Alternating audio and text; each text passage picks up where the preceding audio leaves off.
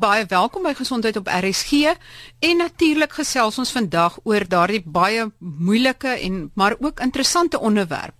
Want die vraag is vetsug is 'n groot probleem in Suid-Afrika en Dr. Ian Westmore, raadslid van die psigiatriese bestuursgroep is my gas, my spesiale gas, hy's van Bloemfontein en Dr. Westmore, miskien kan ons sommer net wegspring om dat jy kan sê hoe groot is die probleem van vetsug in Suid-Afrika? Môre Marie, eh, môre aan die luisteraars. Uh want dis 'n groot probleem. Ons weet dat daar 'n studie was wat deur die Mediese Navorsingsraad uh vrygestel is in 2013 en en dis omtrent ons nuutste statistieke wat wys dat meer as 61% van die Suid-Afrikaanse bevolking oorgewig of vetsugtig is. Uh dit lyk asof dit 'n probleem is wat uh, baie meer vrouens uh, beraak. Um omtrent 40% van vrouens in Suid-Afrika is vetsugtig, nie net oorgewig nie. Uh terwyl dit heelwat minder is by mans, uh die die syfer by mans in daai studie was omtrent 13.5%. So dit lyk asof dit 'n baie groter probleem by vrouens is groot probleem in die algemene bevolking en dan wat kommerwekkend is is dit lyk asof dit ook 'n probleem is nie net by volwassenes nie, maar toenemend meer 'n probleem is by kinders. Ons weet een uit 4 meisies en een uit 5 seuns tussen die ouderdomme van 2 en 14 is alreeds oorgewig of vetsugtig. En dit het natuurlik dan implikasies, weet ons nie net vir jou fisieke gesondheid nie, maar soos wat ons nou daarna kyk, ook vir jou geestesgesondheid. Dr Westmore, is wat kom eers die hoender of die eier? Is dit swak geestesgesondheid wat maak dat mense begin gewig optel of raak mense depressief of angstig omdat hulle gewig opgetel het? Hoe skakel daai twee in mekaar in? Ek dink die beste op hierdie stadium is om te sê dat mense nie kan sê watter een eers is nie. Dis 'n ding wat van al twee kante af werk. Uh, ons weet byvoorbeeld as jy kyk na die toestand depressie, uh major depressie ons praat nie net van die gewone afvoel nie as jy major depressie het het jy 'n uh, verhoogde risiko om vetsugtig te wees uh en as jy vetsugtig is is daar 'n baie duidelike bewys dat jy uh 'n verhoogde risiko vir depressie het. Maar dit lyk ook asof dit geld vir ander uh, geestestoestande ook. Toestande soos angsversteurings bipolêre gemoedversteuring Uh en ons weet dat dit selfs uh dat daar 'n verhouding is met 'n toestand soos aandag of leibaarheidssindroom in kinders uh en dat daar 'n korrelasie is met uh vetsugtigheid. So die ding werk in twee rigtings en ons dink dat dit waarskynlik te doen het met die feit dat die onderliggende meganismes alhoewel dit baie kompleks is baie te doen het met jou senuweestelsel waar waar jou brein dan die belangrike beheersentrum is van nie net uh hoe jy slaap en eet nie maar ook jou emosies uh en dan ook jou eetlus en dan jou gewig. En uh die brein is gekonnekteer aan die res van jou senuweestelsel uh dit wat ons praat van jou hypothalamus uh hipofise bynier as. So dit beteken die hoof beheersentrum is in jou brein, maar dit stuur dan boodskappe via hormone na ander dele van jou lyf toe en ons dink dat dit is hoe die ding dan skakel. Maar dit is 'n komplekse ding. Uh, mense is nie net oorgewig as gevolg van die feit dat hulle ooreet uh, of miskien emosioneel eet nie, maar daar's ander faktore soos genetika en omgewing en selfs kulturele faktore speel 'n rol in in die probleem van vetsug.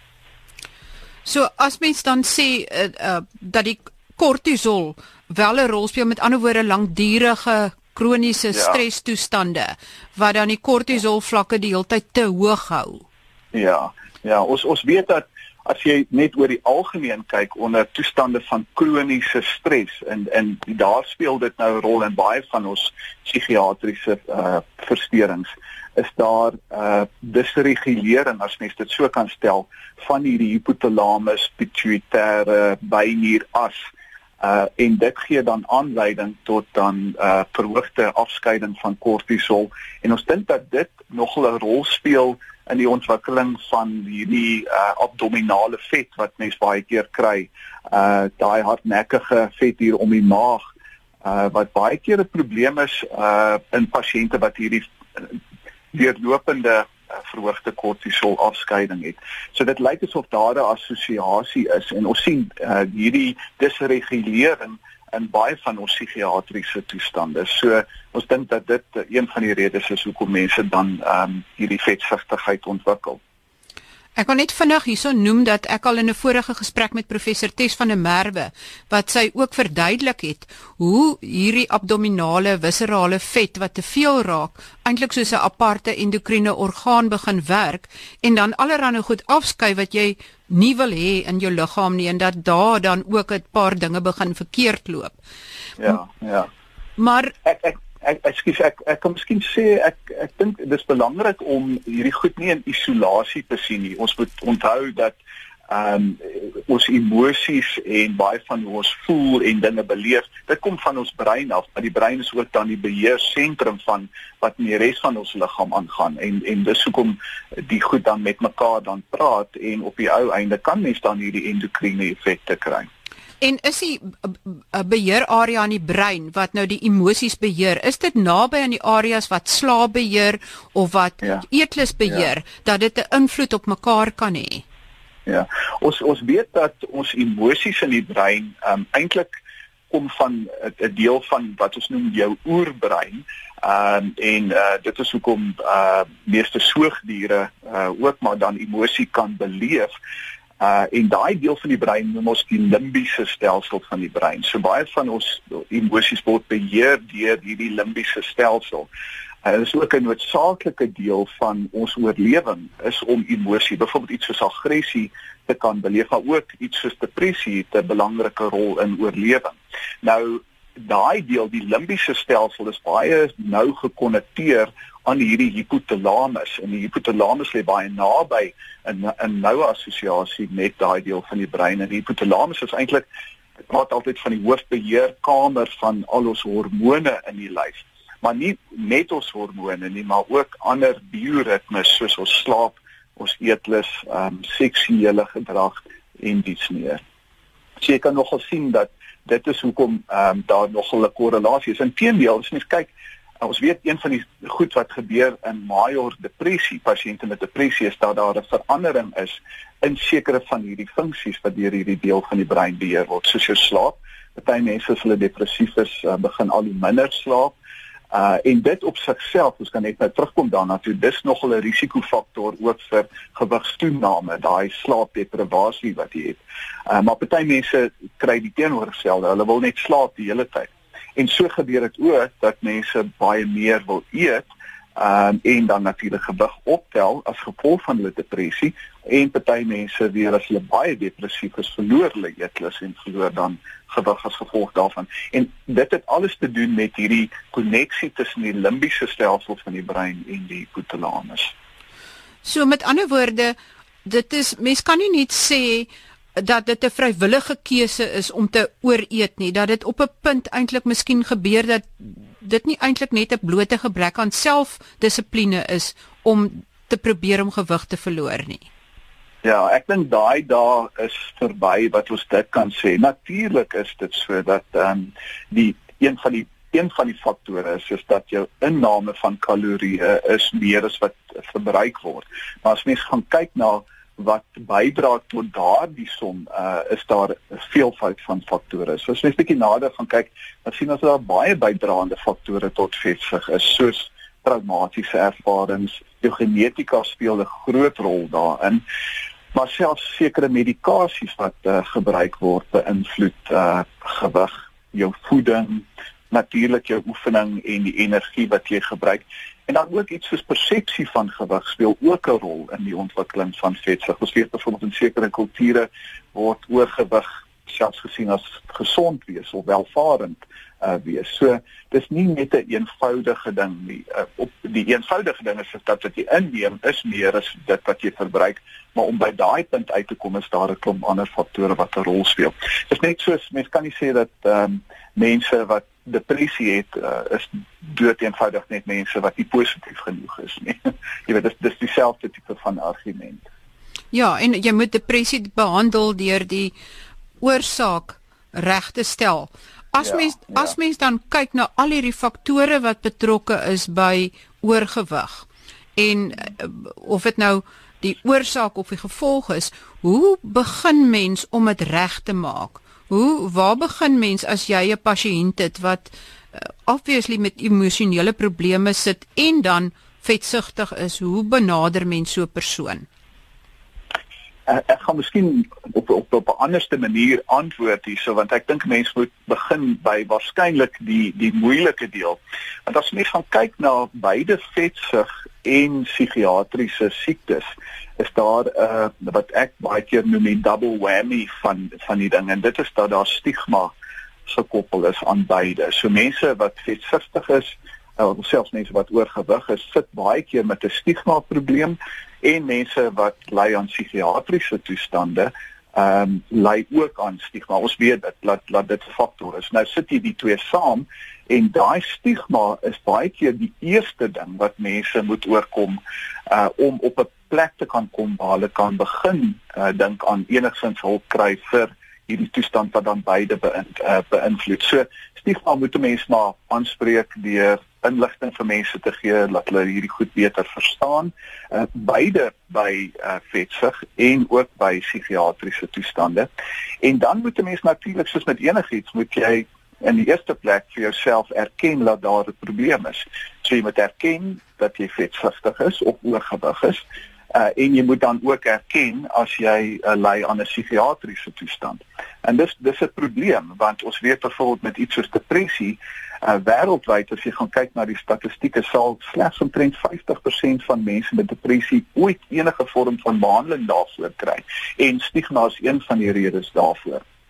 So ons moet eers stigma oorkom en dan moet jy by 'n plek kom waar jy erkenning gee aan die onderliggende probleem en dan begin jy opsoek. Nou daar's verskeie plekke waar 'n mens kan opsoek en ek dink die die eerste en die beste plek om te begin is gewoonlik by jou huisdokter want jou huisdokter ken jou gewoonlik en kan dan 'n fisieke ondersoek doen en kan vir jou help en vir jou sê ja, jy het 'n gewigsprobleem, ons moet kyk na verskillende uh redes daarvoor. Uh, jou huisdokter sal ook bewus wees van ander siektes wat ook aanleiding kan gee tot vetsug moontlik of moontlik kan aanleiding gee tot uh, geestesongesteldheid en sal jou kan help met 'n diagnose soos byvoorbeeld depressie of 'n angsversteuring of aandagafleibaarheid of 'n so tipe van ding en dan jou in die regte rigting stuur.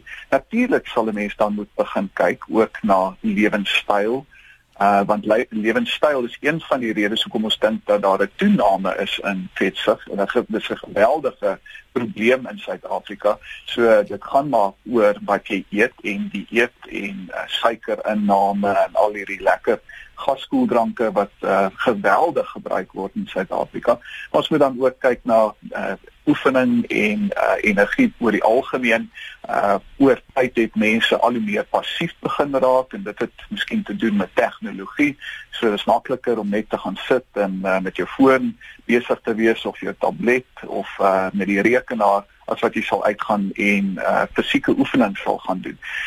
En dan dink ek 'n uh, uh, ander baie belangrike ding want dis nogal daar's bewys dat as daar 'n kombinasie is van onderliggende geestesongesteldheid en vetsug is die rol van 'n ondersteuningsgroep baie belangrik want dit lyk asof die uitkoms baie beter is as jy lid is van 'n uh, ondersteuningsgroep nie net lid is van 'n gimnasium nie maar as jy dan na 'n uh, ondersteuningsgroep vir byvoorbeeld depressie en jy kry mense wat saam met jou kan gaan oefen dan is die uitkoms heelwat beter gelde dan ook vir ondersteuningsgroep wat betref gewigsverlies? Natuurlik ja. Ek ek dink en en daar byvoorbeeld is daar mos nou duisende uh waar mense kan gaan, weet en en ondersteuning kry in terme van hulle dieet uh en en daai tipe van ding en daar's ek dink baie goeie bewys dat pasiënte beter doen wanneer hulle uh ondersteuning kry van ander mense. Uh mense moet net versigtig wees dat dat die groep waarheen jy gaan nie gesien word as 'n plek waar jy nou uh in 'n sin nou as mens nou mooi gaan kyk, jy weet dat jy nou gaan skaam kry oor jou gewig omdat ander mense nou beter doen as jy nie. Daar moet genuen ondersteuning wees wat gebeur. Ek neem aan dit geld ook dan selfs vir die oefening. Weet dat jy miskien eerder in 'n groep moet oefen waar hulle jou ja. gaan mis as jy nie opdaag nie. Ja, ja. Ons weet dat mense beter doen wanneer hulle in groepe oefen. Ehm um, en en dat mense langer dan by oefenprogram bly wanneer hulle dit doen.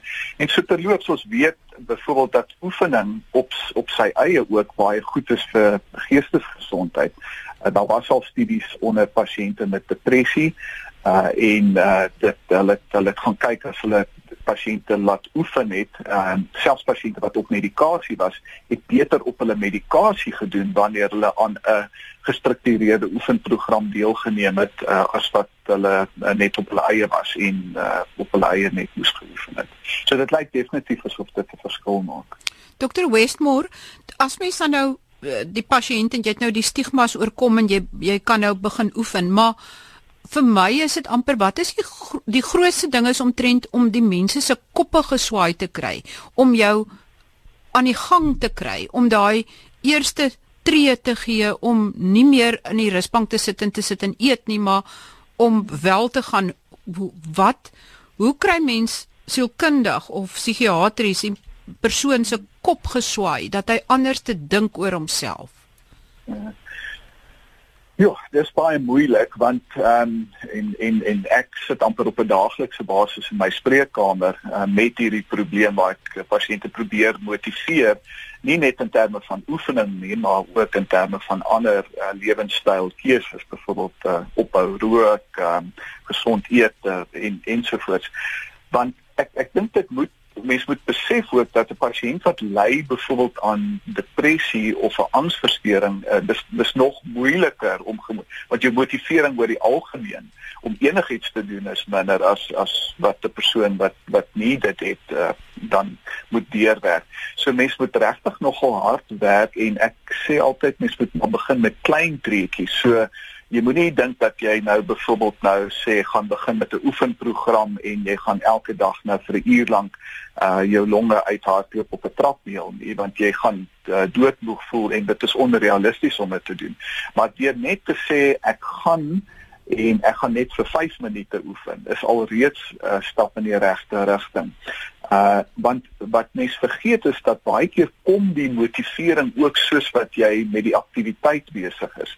Jy moet maar daai eerste stap neem, maar sodra jy begin met die aktiwiteit, en ek dink meeste mense dit al so ervaar, is nie lus om iets te doen nie, maar sodra jy begin om daarmee uh bietjie meer net energie in te sit, nie vreeslik baie nie, dan kom die motivering met tyd. En soos wat jy nou meer en meer dit begin doen, uh, word dit deel van jou lewenstyl.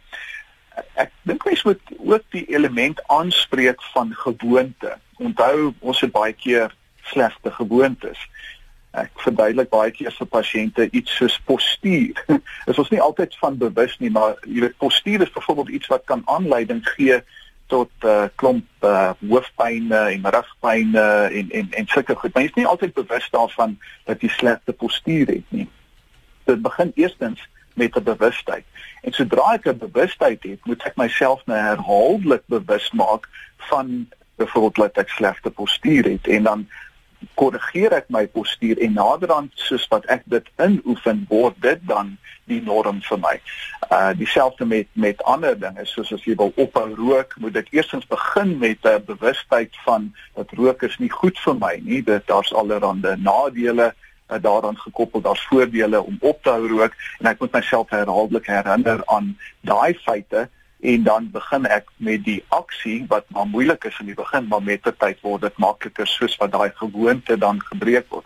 So ook is 'n slegte eetgewoontes en ehm um, passiwiteit is is ook maar 'n slegte gewoonte wat gebreek moet word.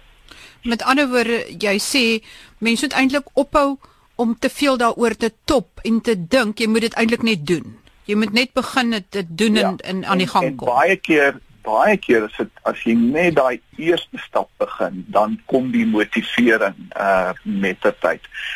Mens ek ek dink mense moet miskien ook net sê dat ehm um, onthou ons brein werk op 'n beloningssisteem. Ons het 'n baie definitiewe beloningsarea in ons brein uh wat ehm um, baie ryk is aan die neurooordragstof dopamien. En dopamien word afgeskei wanneer ons sekere dinge doen. Ehm um, so uh, dis ook hoekom ons verslaaf raak aan sekere goed. Ons weet dat ehm um, byvoorbeeld lekker eet gee dan dopamien afskeiding in daai uh, daai sentrum in die brein wat dan vir ons 'n beloning gee en uh dis ook hoekom daar so 'n bietjie van 'n uh, wat ons noem 'n verslawingsmodel uh, toegepas word wanneer jy kyk na vetsug en uh, ooreet. Party mense beloon hulle self uh, met kos en dan natuurlik tel hulle gewig op. Terwyl jy jouself eintlik kan beloon met iets anders wat ook dopamien afskeiding gee, soos byvoorbeeld oefening. Maar ehm um, jy weet uh, om om daai kloutjie by die oor te bring is baie keer nogal moeilik want uh, party mense is regtig verslaaf aan kos. Dit is dit is hulle ehm um, uh, wat net dit, dit is hulle verslawing. So enigste manier om dit eintlik uh, te verander is om dit te vervang met 'n ander gesonder verslawing. Met, met soos ander ja, absoluut so. Maar natuurlik, jy weet, um, as ek nou vir iemand moet sê jy moet jy moet nou daai lekker ehm um, hamburger wat jy elke keer gaan eet 4 uur in die middag los en, en jy moet eerder jou stapskoene aantrek en gaan oefen uh gaan dit nog 'n motivering kos om dit te doen. En dit is nie altyd so maklik nie. Ehm uh, dit is vir die gemiddelde mens moeilik om 'n uh, verslawing te breek, om 'n gewoonte te breek. Uh nog des te meer so vir mense wat ly aan uh swak selfbeeld, nie regtig energie het nie, 'n depressiewe gemoed het, uh baie moeg is. Uh jy kan dink dat dit nog net om daai eerste stap te neem moeilik is. Maar dit is met ander woorde ook belangrik om dat die psigiater daai depressie diagnoseer en begin behandel ja. om die persoon ja. te help om uit daai spiraal uit te kom. Ja, ja. Ek ek dink uh, as mens net kyk sielkundig ook, um, baie keer uh, wanneer 'n mens depressief is, is jy geneig om alles deur 'n negatiewe uh venster te te beluur as jy dit so kan stel. Um, en dit is weens wat wat depressie aan jou doen. So baie keer wanneer jy in daai depressie is, dan lyk baie van die dinge wat jy gewoonweg doen in die lewe vir jou soof hulle nie sin en doel het nie.